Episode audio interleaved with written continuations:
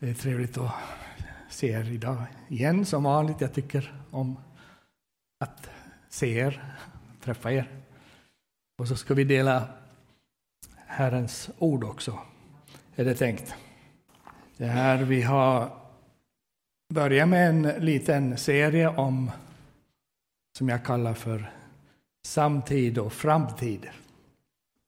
Det är ju så att Bibeln har väldigt mycket att säga, både om vår tid som vi lever i och om det som ska komma.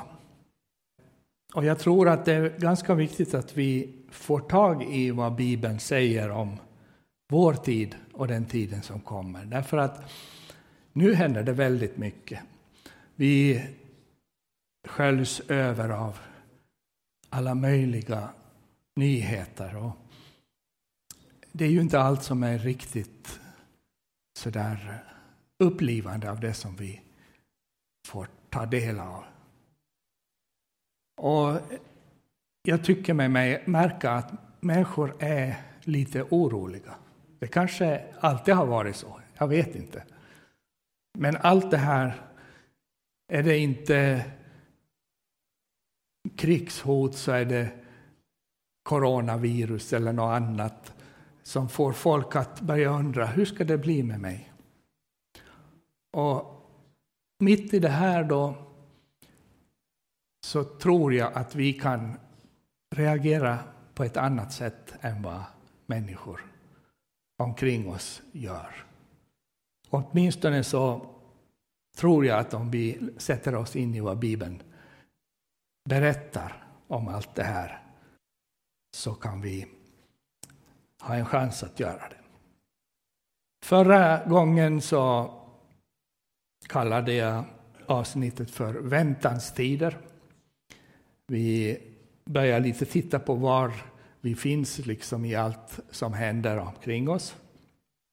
Vi läste om hur de första lärjungarnas liv präglades av en förväntan på att Jesus skulle komma tillbaka.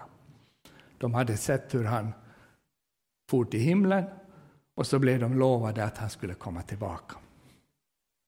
Och så det här fogar de in i allt det som hade stått, som står i Gamla testamentet om det dödas uppståndelse och skapelsens återupprättelse. Så de fogade in det i den judiska bakgrunden som de hade.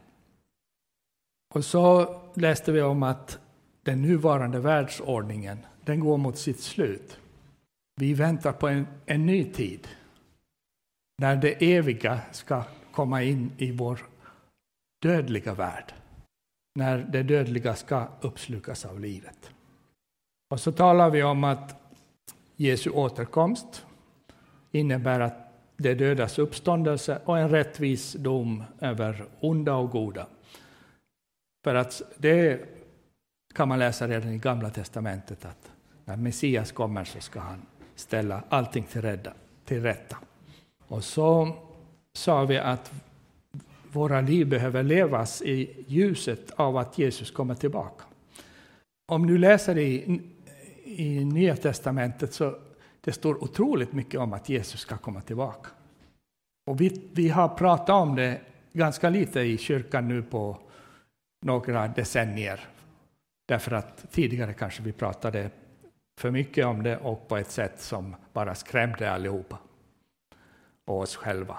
Och till slut så blev det så där att man måste vara expert för att prata om de yttersta, yttersta tingen och att Jesus kommer tillbaka. Men jag tror att de första lärjungarna de gick ju och tänkte på det här. Jesus han ska ju komma tillbaka. Och det färgar liksom deras sätt att leva. Och så talade vi förra gången också om det troendes väntan. Alltså det är en aktiv väntan. Det är inte bara att man sätter sig på ett berg och väntar, när kommer du? Utan vi är fullt upptagna medan vi väntar. Och vårt liv, eh, Paulus säger ju att de, det som är bestående, det är ju tro, hopp och kärlek. Och om de här sakerna får driva vår aktivitet, då håller vi ju på med något som blir bestående också i evighetens ljus. Så det här, det, allt det här pratar vi om.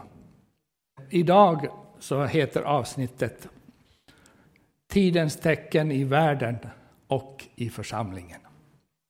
Jag vet att det är en del som reser ragg när de ser tidens tecken, för att det har ibland använts på ett sätt när folk försöker räkna ut vilken dag Jesus ska komma. Och så tar man ett ord härifrån och ett ord därifrån, och så är det 1275 dagar där, eller vad det nu är, och så är det sju år där och tusen år där, och så sitter man och försöker räkna ut, ja men det är nog säkert 2032 i september den tionde han kommer.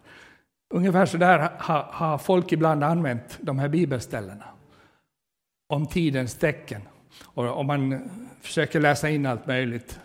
Jag läste böcker på min tid när det var Sovjetunionen som var liksom det här vilddjurets hela grej, som det står om i Uppenbarelseboken. Och det har gjort lite grann att vi ryggar. Men eh, det är faktiskt så här att det finns händelser och fenomen i tiden som Jesus säger att vi ska hålla ögonen på medan vi väntar. Och på ett väldigt positivt sätt, därför att som vi ska se, det är ju inte med tanke på att vi ska sitta och räkna ut saker, utan mera med tanke på hur vi ska reagera när det händer och det händer och det händer. Så jag har valt att utgå ifrån en berättelse, ett sammanhang i Matteus evangeliet i det 24 kapitlet. Den här berättelsen finns också i Markus 13 och Lukas 21. Så jag kommer att använda det här lite som grund, men sen ska vi se lite vad andra skriftställen säger om samma saker. Och det här första avsnittet då lyder så här. När Jesus lämnade templet och var på väg ut kom hans lärjungar fram för att visa honom på tempelbyggnaderna. Men han sade till dem, ni ser allt detta, jag säger er sanningen. Här ska inte lämnas sten på sten, allt ska rivas ner. När Jesus sedan satt på Olivberget och lärjungarna var ensamma med honom kom de fram till honom och frågade, säg oss, när ska det ske? Och vad blir tecknet på din återkomst och den här tidsålderns slut? Det här står i Matteus 24, vers 1 till och med 3. Det var ju så att i den judiska föreställningen om den yttersta tiden så uppfattade man att de här offren skulle fortsätta. Offerkulten i templet skulle fortsätta ända tills tidens slut eller tills Messias skulle komma och templet skulle finnas kvar. Och därför så kopplar de här lärjungarna samman två frågor som vi tycker är två olika frågor. Nämligen, när ska templet raseras? Och vad blir tecknet på din återkomst och den här tidsålderns slut? Men för dem var det en fråga, därför att i deras, som man uppfattade så skulle allt det här ske samtidigt. Och det här, när de nu ställde den här frågan så fick Jesus anledning att hålla ett tal ett så kallat eskatologiskt tal. Eskatologi är läran om världshistoriens avslutning, om den sista tiden. Så han tyckte det fanns anledning att förklara en del saker om den sista tiden. Eskatologiska texter eller tal kan handla både om samtiden men också om framtiden. Den här serien har jag kallat för Samtid och framtid därför att det här återkommer så väldigt ofta, att man talar om någonting som snart ska hända, men med perspektivet att i tidens slut blir det så här. Och det är ofta faktiskt en utmaning att avgöra när man läser texter av det här slaget. Att vad är det som gäller just den situationen där, för de som lyssnar kanske, eller några år framåt i tiden, och vad är det som gäller för tidens slut i allt det här? Och där får ju experterna anledning att debattera och diskutera och jag Eh, är inte alls någon expert på det ämnet. Men vad jag vill få ut av det här det är egentligen det som vi kan ta åt oss att vi behöver tänka på det här med när det börjar hända. Och jag tror att det var så Jesus ville ha det också. Eh, man kan tänka sig till exempel i det här talet som Jesus höll som svar på den här frågan som lärjungarna ställde, så kan man tänka sig att han pratar om templets förstöring. Och det vet vi av historien att det hände sedan år 70 efter Kristus.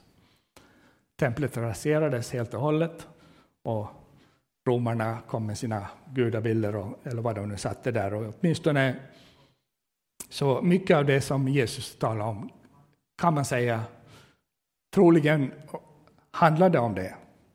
Men i samma tal, så när han fortsätter, så säger han ju saker som alldeles tydligt handlar om tidens slut. För han säger, pratar om att Människosonen ska komma på himlens moln. Allt i samma tal. Alltså han börjar med någonting som vi alldeles eh, tydligt tycker att det där var ju templets förstöring. Men så bara fortsätter han och så är han till slut i evigheten. Liksom. Och det är jättesvårt att avgöra liksom, hur, hur var det tänkt det här. Men man, jag tror att man behöver ha med båda de här sakerna. Och faktiskt är det så att många gånger så finns det en uppfyllelse i historien och en uppfyllelse vid tidens slut av sådana här te texter. Samma med profeterna i Gamla testamentet. Om du läser så kan du läsa, man ser tydligt att det handlar om när Jesus skulle komma första gången, när han skulle födas här. Det finns med, men sen bara någon mening efteråt så är de återigen tillbaks där i Messias som kung och han regerar. Eh, till och med ett evigt rike står det om. Och det är väldigt intressant att de här texterna är på det där sättet. Och jag ska inte gå så mycket mer in på det, men jag, jag tycker att vi behöver ha med oss att ibland så finns det två uppfyllelser av, eller tre till och med kanske, eller fler, av samma utsaga i Bibeln. Eh, Jesus han ger inga tidtabeller åt lärjungarna. När de nu frågar när ska allt det här hända, då säger han ju inte att eh, 2328 år från och med nu i september så kommer det hända. Nej, absolut inte. Han säger istället att men den dagen eller stunden känner ingen, inte ens ängla, himlens änglar, inte ens sonen, ingen utom Fadern, säger han i vers 36 i samma kapitel som vi håller på att läsa på. Istället så beskriver Jesus olika händelser, så kallade tecken i tiden, som vi behöver hålla ögonen öppna för.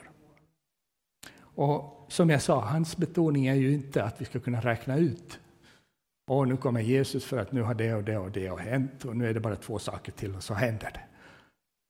Nej, utan hans tanke är att när det här händer så ska ni göra det här. När du, på ett ställe säger när ni får se förödelsens styggelse stå i templet, då ska ni fly till bergen eller vad det var. Alltså hela tiden betoning på saker som vi behöver, åtgärder som vi behöver ta när olika saker händer. Och de sakerna tycker jag vi kan ta till oss, för att eh, det kräver inte någon sån här väldigt finurlig uträkning. Utan när vi ser det så gör vi det. Och man kan dela upp de här tecknen, tecknen som Jesus nu kommer att prata om i tre avdelningar. Han talar om tecknen i världen i vers 4 till och med 8. Han talar om tecknen i Guds församling i vers 9 till 14. Och så om tecknen i Israel i vers 15 till 31. Och sen ännu i slutet av talet så så kommer han med några liknelser som berättar om hur det ska vara när han kommer tillbaka. Idag ska vi prata om de två första grupperna, tecknen i världen och tecknen i Guds församling. Nästa gång blir det förmodligen om tecknen i Israel. om Herren leder det så. Så nu kan vi läsa lite om tecknen i världen. Jesus börjar sitt tal. Jesus svarade dem, se till att ingen bedrar er. Många ska komma i mitt namn och säga, jag är Messias, och de ska bedra många. Ni kommer att höra stridslarm och rykten om krig. Se då till att ni inte blir skrämda. Sådant måste hända, men det är ännu inte slutet. Folk ska resa sig mot folk och rike mot rike, och det ska bli svält och jordbävningar på många platser. Men allt detta är bara början på födslovåndorna. Matteus 24, vers 4-8. Här räknar han upp olika saker som ska hända och karaktärisera världen under den tid som man kallar början på födslovåndorna. Det vill säga falska messiasgestalter ska uppstå och det hände bara väldigt snart efter att eh, Jesus hade farit till himlen. Det finns många sådana historier och i våra dagar har vi sett sådana som olika sektledare som på något vis få för, lyckas övertyga folk om att det är jag som är Messias. Och så en del är till och med självmordssekter och allt möjligt. Det här är någonting som vi alltså har sett i, i våra dagar också. Och strids, stridslarm och rykten om krig, det har väl pågått nästan hela tiden, är det inte så? Och folk som reser sig mot folk, etniska konflikter, det är inte okänt i våra dagar. Det är bara att säga ordet Balkan så förstår vi att det finns sånt. Allt det sådana här saker som Jesus säger, det händer ju. Och rike som re, reser sig mot rike. Det är liksom maktpolitik, det är ju allt det som vi egentligen sitter och matar oss med via media hela tiden. Vi får höra vem som nu har tagit över där och så vidare. Och så talar han om svält och jordbävningar. Svält kommer ju av en förstörd miljö och naturkatastrofer händer ju hela tiden. Och så om man läser i Lukas evangelium om samma tal här så tillägger han och pest på den ena platsen efter den andra och skrämmande syner och väldiga tecken från himlen. Alla de här sakerna har ju egentligen pågått hela tiden, men Jesus han börjar berätta sånt här ska hända. När man läser det så här så verkar det som om det tilltar mot slutet av tiden.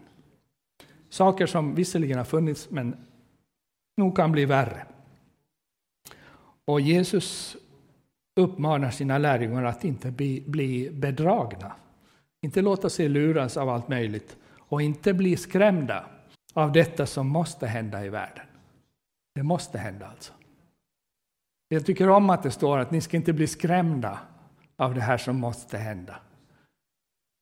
För att jag tror att många människor blir nog väldigt skrämda av allt som pågår i världen. Men Guds folk har någonting som gör att jo, visst kan vi bli skrämda, det, det kan vi bli, men inte på djupet, det där som på något vis förlamar oss fullständigt så vi inte kan göra någonting. Nej, ni ska inte bli skrämda, säger han. Det måste hända, men ni ska inte bli skrämda. Om man läser Uppenbarelseboken femte och sjätte kapitlet så finns ungefär samma lista av händelser som Jesus har talar om här. De finns där också. Eh, samma sekvens. Och om man läser där så framgår det att eh, det är ju en, Uppenbarelseboken är ju en syn och det är mycket bilder och han får se allt möjligt stort och märkligt med vilddjur och, och fruktansvärda saker. Men också får han se in i himlen och där står det att det framgår att eh, lammet som finns där i himlen, och det är Jesus som är lammet, för han har dött för vår skull. Så lammet är den som liksom har uppdraget att utlösa alla de här händelserna. Han får en bokrulle med sigill som han öppnar. När han öppnar det första så händer det sådana här saker, falska eh, eh, sådana här gestalter. Och så öppnar han ett till och då blir det krig och så vidare. Så att på det sättet så ser man av Uppenbarelseboken att, att Jesus har på något vis kontrollen över allt det här. Och det står också där att han, det är han som har rätt att öppna bokrullen. Därför att han har dött för alla människor. Han har gett sitt blod. Han har köpt åt sig ett folk från alla folkslag. Paulus säger också på ett ställe att han måste regera tills han har lagt alla fiender under sina fötter. Vad jag vill komma åt är att liksom det händer saker i världen, men, i, men det är ju inte fråga om att Jesus har tappat kontrollen. Att Gud inte ha, äh, har världen i sin hand, fast det händer väldigt mycket märkliga saker. Utan det här måste hända, men, men det innebär inte att han inte har allt i sin hand. Och jag tror, om man läser en sån här bok som Uppenbarelseboken, som är väldigt svår att förstå sig på, men också väldigt skrämmande i många stycken. Men, men när man tittar på helheten så är det ju ändå frågan om att den visar att Gud har kontrollen. Gud har kontrollen över historien och över allt som ska hända. Och, och, och hans folk kan vara trygga i den meningen att, att slutet, det är liksom förutbestämt. Det är inte så att, att i bästa fall så får vi vara med honom i evighet, eller i bästa fall. Utan det är redan bestämt att den som tror på honom ska få vara med honom i evighet. Jesus han pratar om födslovåndor. Födslovåndor. Och det är den tid, det är andra författare också i, som använder det där uttrycket, och det handlar om en tid av nöd som kommer. Som kanske har börjat, vad vet jag. Det finns lite olika tolkningar. Men att det är liksom, den får sin kulmen, det här födslovåndorna får sin kulmen under Antikrist. Den motsatsen till Kristus kan vi säga, som kommer att för, ta, ta, försöka ta över världen. Och det står att det kommer en tid av nöd och, och svårigheter och den tiden kommer att förkortas för de heligas skull. Födslovåndor är väl ett uttryck som används därför att alla som vet någonting om födslovåndor, det är ju att man kan nog veta att det ska komma ett barn, vi ska få barn. Men ingen vet när födslovåndorna sätter igång. Åtminstone kommer jag ihåg när vårt första barn skulle födas. Nu visste vi ju. Min fru gick omkring där och väntade och suckade ganska mycket. Och så var det lördagkväll och vi gick och badade i bastun. Ja, då började födslovåndorna liksom. Då började verkarna. Och så när verkarna har börjat så i, i de flesta fall så ökar de ju. Det blir värre. Innan till slut barnet föds. Och jag tror det är därför man använder den här bilden att det är sådana här svåra, övergående svårigheter visserligen stora och smärtsamma. Jag har ju själv inte varit med om, om det i min egen kropp, men jag, jag kunde lägga märke till att det inte var särskilt små saker. Och, och, också vår värld kommer att genomgå sådana här födslovåndor innan liksom den, nya, den nya tidsåldern föds. Och då är det glädje och då kommer man inte att tänka på det som var. Eh, det, det, är sällan som mödrarna mödrar när de har sina små barn nyfödda, de, de pratar inte liksom om att oj, det var jätteont, och, utan det är egentligen det här barnet som är hela poängen. Då. Oj, oj, visst kan de känna att det fortfarande är ont och så vidare, men att, att på något vis, de flesta som jag har träffat har sagt att det var nog ändå värt det på något vis, för det kom ett nytt liv till jorden. Så är det med vår jord också. Det kommer vara värt det för att det kommer en ny tid när, när nöden och smärtan är borta. Också aposteln Paulus använder den här bilden i samband med sin undervisning om Herrens dag. Vi tittar i första Thessalonikerbrevet 5, vers 1 till och med 6. Då säger han, när det gäller tider och stunder, bröder, behöver vi inte skriva till er. Ni vet själva mycket väl att Herrens dag kommer som en tjuv om natten. När folk säger fred och trygghet, då drabbar undergången dem lika plötsligt som verkarna hos en kvinna som ska föda, och de slipper inte undan. Men ni bröder och systrar har jag fått lära mig att man kan säga också, lever inte i mörker så att den dagen kan överraska er som en tjuv. Ni är alla ljusets barn och dagens barn. Vi tillhör inte natten eller mörkret. Låt oss därför inte sova som de andra, utan hålla oss vakna och nyktra. Vi får in, inget datum när vi läser om tidens tecken. Herrens dag den kommer plötsligt och synligt för alla. Förra gången sa vi att den kommer som blixten. Det finns olika teologier om vad som händer när Jesus kommer. Och eh, det finns en teologi att de troende liksom lyfts upp och tas undan allt det här och så pågår det allra värsta här på jorden. Och, och, och då uppstår också de som tror på Jesus.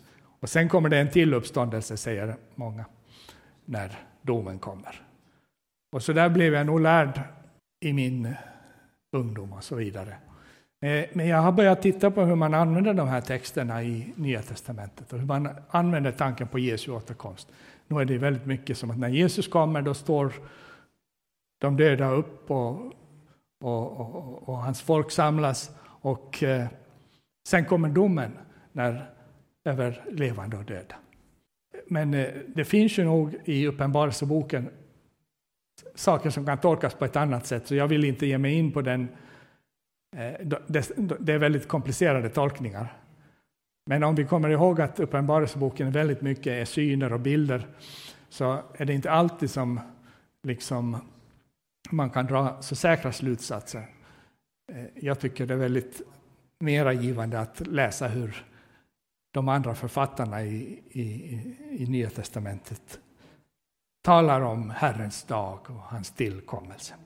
Och Paulus här, han sa ju att, att eh, det kommer över folk som, som verkarna hos en kvinna. Liksom sådär, på ett sätt oförberett. Alla kan ju ana att nu håller det på att gå illa, men att... Ja. Och, och så talar Jesus mycket om att hålla ut. Det, det betyder ju att man finns, hans folk kommer att finnas på det sättet kvar i, i den här tiden av nöd. För att han säger att ni behöver hålla ut till slutet. Jag tänkte jag ska prata om det lite mer nästa gång, vad som händer riktigt när Jesus kommer. Eh, jag, jag, jag, kommer att visa att folk har väldigt olika åsikter om vad som händer när Jesus kommer. Så ni ska nu inte ta det här som den slutliga sanningen, utan jag delar med mig om, om vad jag tänker när jag läser de här texterna, så får ni också tänka på ett annat sätt om det behövs.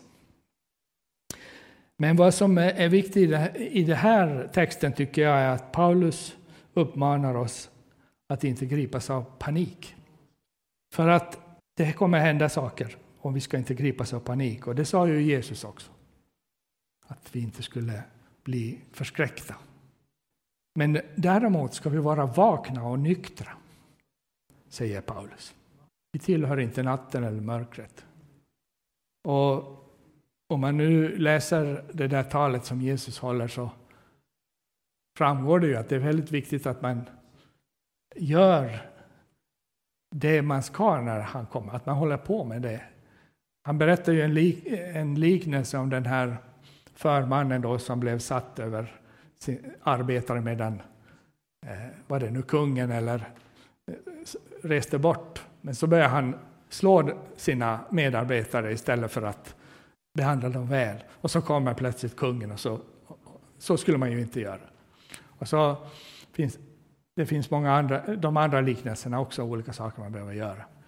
Eh, och jag tror att det är viktigt att vara vaken och nykter så att vi gör det som Herren har sagt åt oss att göra. Och vi hörde här en sak som vår broder här eh, sa om att evangelisera. Sa inte Jesus, gå ut i hela världen och gör alla folk till lärjungar. Och när han kommer tillbaka, det är ju liksom att vi gör de sakerna som han har sagt. Och bönen är väldigt viktig i det sammanhanget. Vi behöver veta dels vad just jag ska göra, för att det är inte bara att kopiera vad alla andra gör, eller någon annan gör. Därför att vi, vi är satta att göra saker på olika sätt. I det stora hela tror jag att vi är satta till att predika evangelium och göra lärjungar. Men på den vägen finns det väldigt många delområden där Herren har satt oss att arbeta. Och Det är väldigt viktigt att vi är vakna och nyktra så att vi gör det vi ska när Jesus kommer. För att nu är det ju väldigt lätt att dras med av händelserna i världen liksom. och, och göra något annat som till och med kan vara riktigt bra, men att är det det som Herren har sagt att vi ska göra? Vi behöver vakna, vakna och nyktra. Och Petrus han säger i första Petrus brev 4, slutet på allting är nära. Var därför kloka och nyktra så att ni kan be. Det finns människor som tror att de där som ber, de är verkligen inte kloka och de är verkligen inte nyktra. Men det är faktiskt så, om man är klok och nykter i den här sista tiden, då kan man be. Och bönen är så otroligt viktig. För att genom bönen så led, leds vi in på rätt ställe i det som händer, det som Gud gör.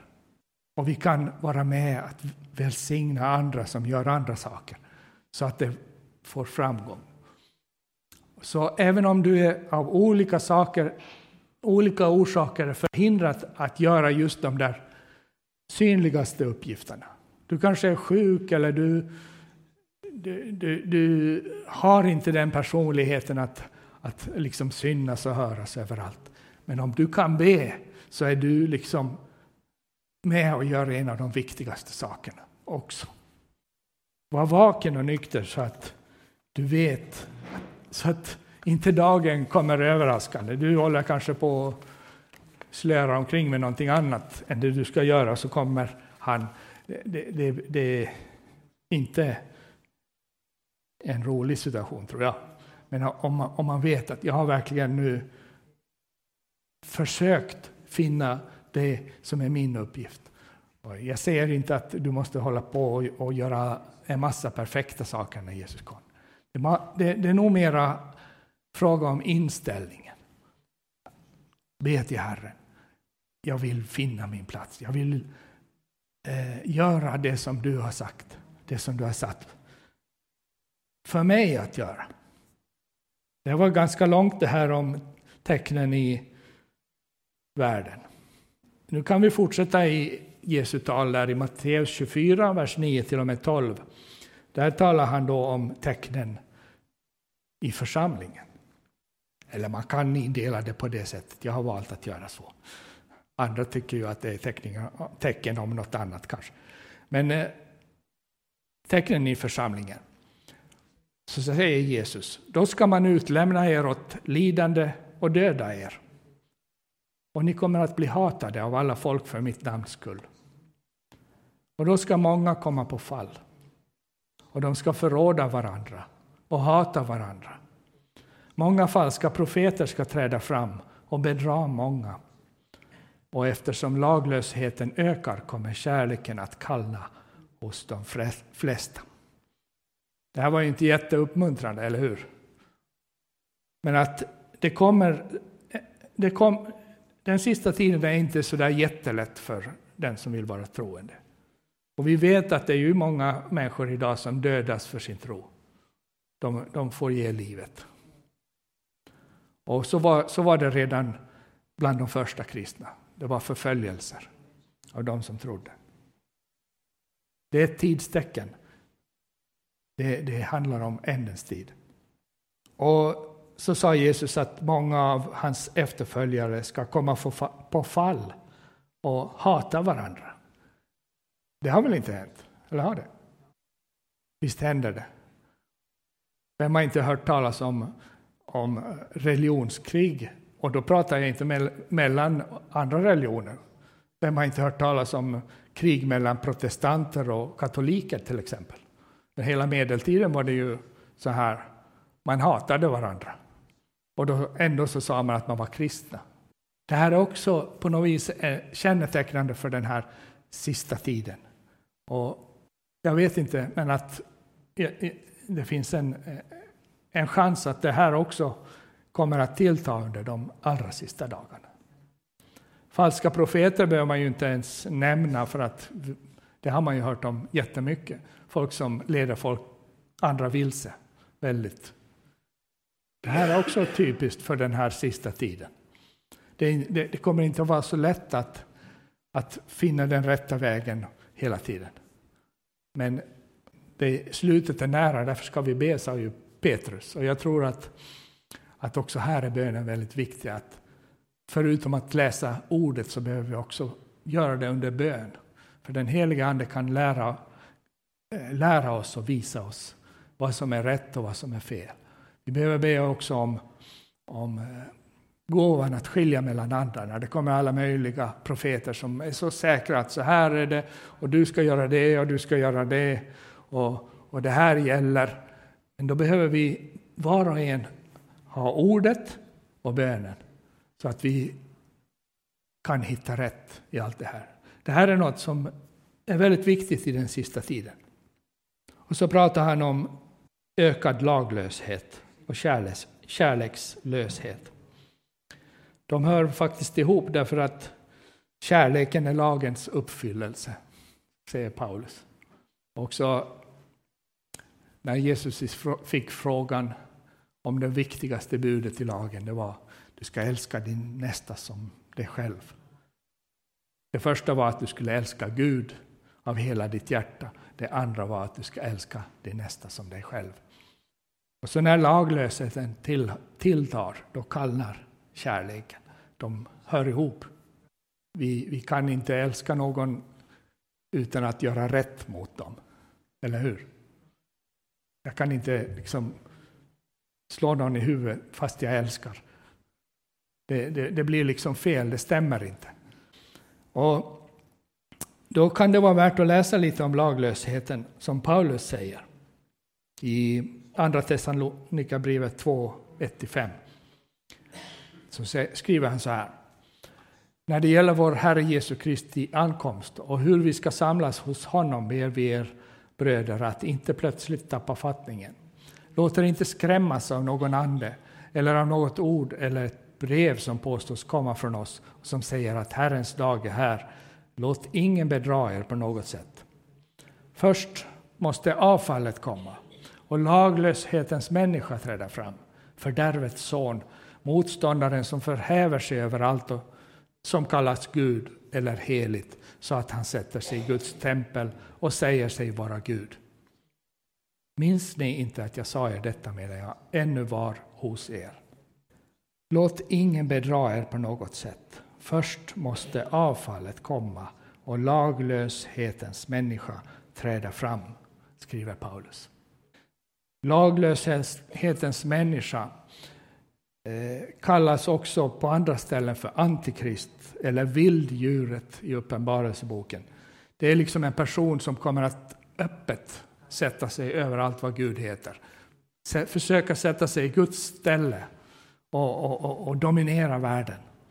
Det här kan vi läsa på flera ställen i Nya testamentet om. Och också i Gamla testamentet för övrigt. Så att det är en person som en dag förmodligen kommer att komma. det tror jag faktiskt. Men inte nog med det. Den ande som liksom leder fram till att det här kan hända, den anden är ju verksam i världen. Eh, eh Johannes säger att redan har många antikrister uppträtt. Och det är väl bara att se på de, alla de stora diktatorerna som har satt sig högst och överallt. Det finns liksom den här andan av att inte underordna sig. Det är laglöshet, att inte underordna sig Guds tanke. Jag kommer att tala om det kanske en annan gång lite mera. En benämning på vår tid som flera författare använder i Nya testamentet, det är de sista dagarna. Och när man läser så kan man se att de är ända från det att Jesus for till himlen tills han kommer tillbaka. Så det är ganska långa sista dagar. Jag tror också att de som levde under den första kristna tiden kanske inte trodde att det skulle ta så länge. Man får en uppfattning när Paulus säger att vi som då ännu lever kvar, han skulle inte leva i 2000 år.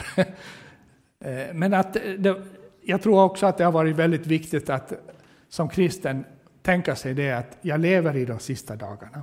För det kan hända när som helst. Vi vet inte dagen eller stunden. Och på det sättet så behöver vi tänka oss att vi lever i de sista dagarna. Och då står det eh, under de sista dagarna så finns det två saker som två trender i kyrkan, i Guds församling. Den första trenden det har vi redan nämnt att människor avfaller från tron.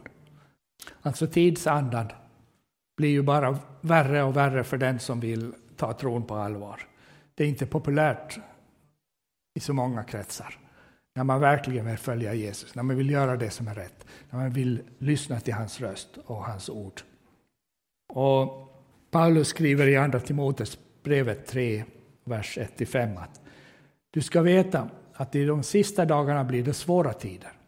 Människorna kommer att vara egenkära, pengakära, skrytsamma, stolta, hånfulla, olydiga mot sina föräldrar, otacksamma, gudlösa, kärlekslösa, oförsonliga, skvallriga, obehärskade, råa, fientliga mot det goda, falska, hänsynslösa och högmodiga. De kommer att älska njutning mer än Gud och ha ett sken av Guds fruktan men förneka dess kraft. Håll dig borta från dem.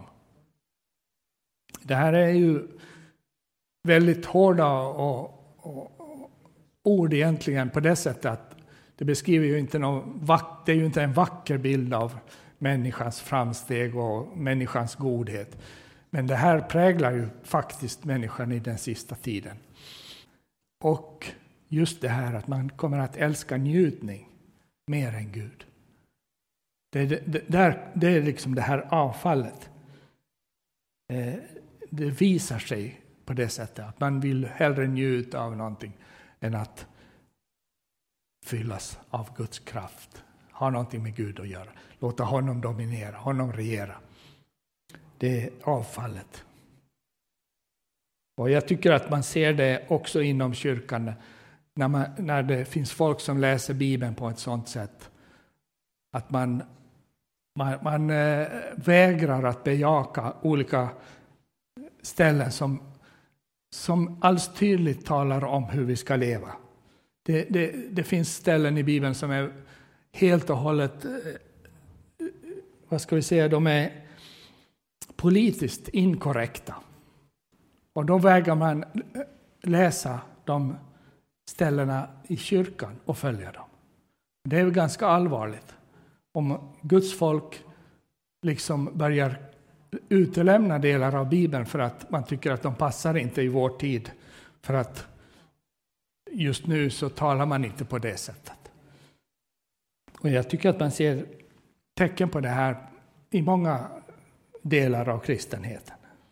Och det, det, är en allvarlig trend. Så det, avfallet är den första trenden.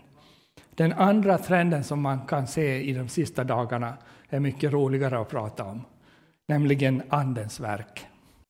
För att samtidigt som människor avfaller från tron så verkar också den helige Ande genom sitt folk. Och Jesus sa att dessa tecken ska följa dem som tror. Vi ska lägga händerna på sjuka och så vidare och så vidare. Det är Anden som verkar genom oss. Och när Petrus skulle förklara det som hände på pingstdagen så läste han ju från profeten Joel. Apostlagärningarna 2 och 17 till och med 18 så står det. Och det ska ske i de sista dagarna, säger Gud, att jag utgjuter av min ande över allt kött. Era söner och era döttrar ska profetera. Era unga ska se syner och era gamla ska ha drömmar. Ja, över mina tjänare och tjänarinnor ska jag i de dagarna utgjuta av min ande och de ska profetera. Tänk att det var det ordet som Petrus tog fram där han skulle tala om vad som hände. Att det är det som händer i de sista dagarna. De sista dagarna har pågått ända sedan apostlarnas tid. Det blev väldigt många sista dagar. Men om de levde i de sista dagarna, då lever också vi i de sista dagarna.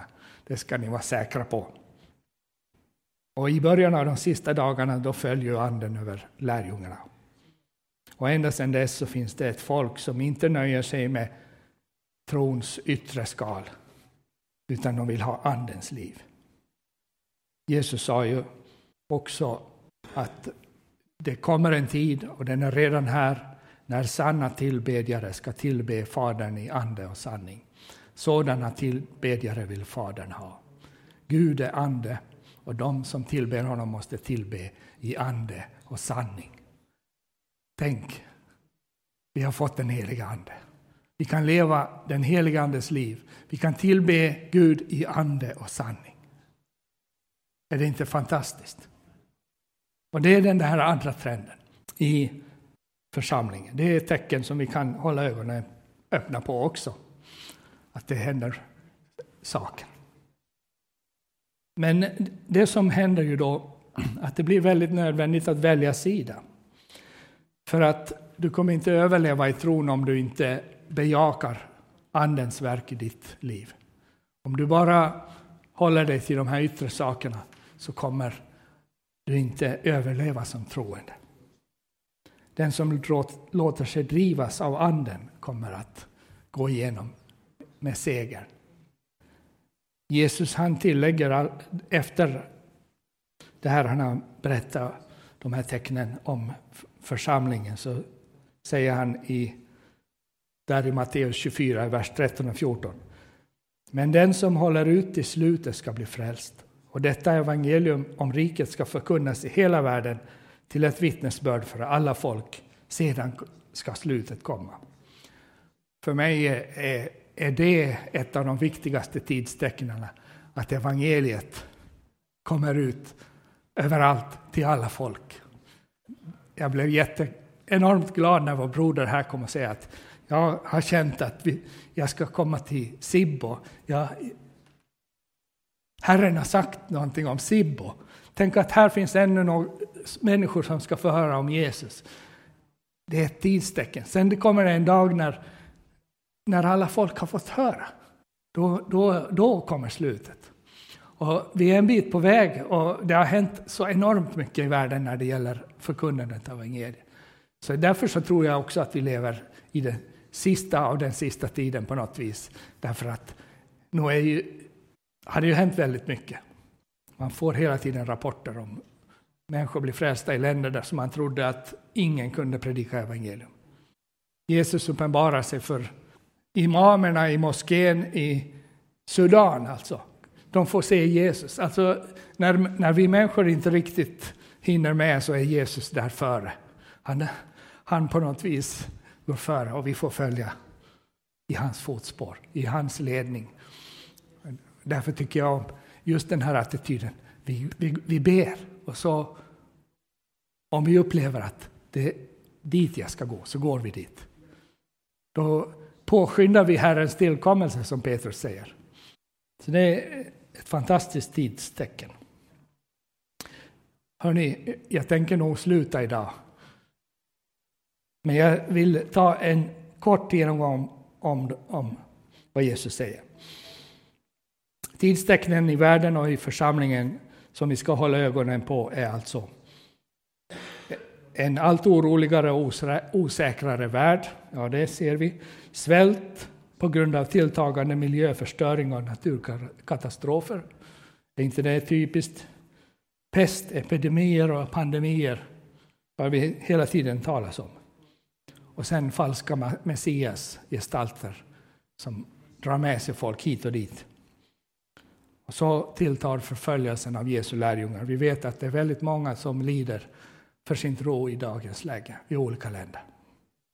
Och sen det här med avfallet hos en del av kristenheten, men också manifestationer av den helige Ande hos helt vanliga människor som inte är märkvärdiga, men de har kontakt med, med Anden. Så att evangelium predikas över hela världen.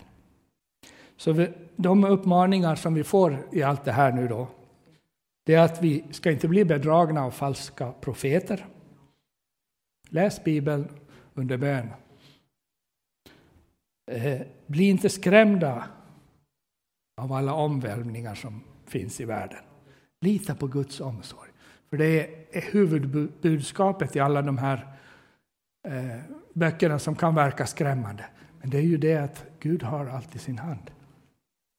Håll ut och håll fast vid bekännelsen av Jesus. Var vaken och nykter. och låt dig fyllas av Anden. Be och tjäna i världen. Sprid evangeliet. Hörrni, det är inte en bedrövad och nedtyngd skara människor som väntar på Jesus. Trots allt det här. Petrus han säger mitt i prövningen kan vi genom tron jubla i obeskrivlig himmelsk glädje över allt det som väntar. Tänk vilka ord han använder. Obeskrivlig himmelsk glädje. Det vill säga, jag kan stå här och försöka förklara den här glädjen och ingen, ingen kommer ändå få den rätta bilden, för den är obeskrivlig. Den är himmelsk. Alltså, när Anden fyller oss så får vi glädje på ett övernaturligt sätt. Det är ingenting som vi kan åstadkomma. Det är ingenting som vi kan få på något annat sätt. Och vi gläds över det goda som ligger framför. Barnet ska födas. Vi behöver inte på det viset vara nedtyngda av födslovåndorna, för barnet som föds kommer vara helt fantastiskt. Jag vet inte om ni håller med mig, men jag tänker så. Mitt i allt det som händer. Det kommer att bli fantastiskt. Det bästa ligger framför. Även om det först kan bli lite kärvare. Det, det kan vi vänta oss. Det var det jag ville säga just idag. Ska vi be. Herre, jag ber nu att de här orden ska få tala till oss på olika sätt. Herre, du vet vad du egentligen ville med den här dagen och den här samlingen.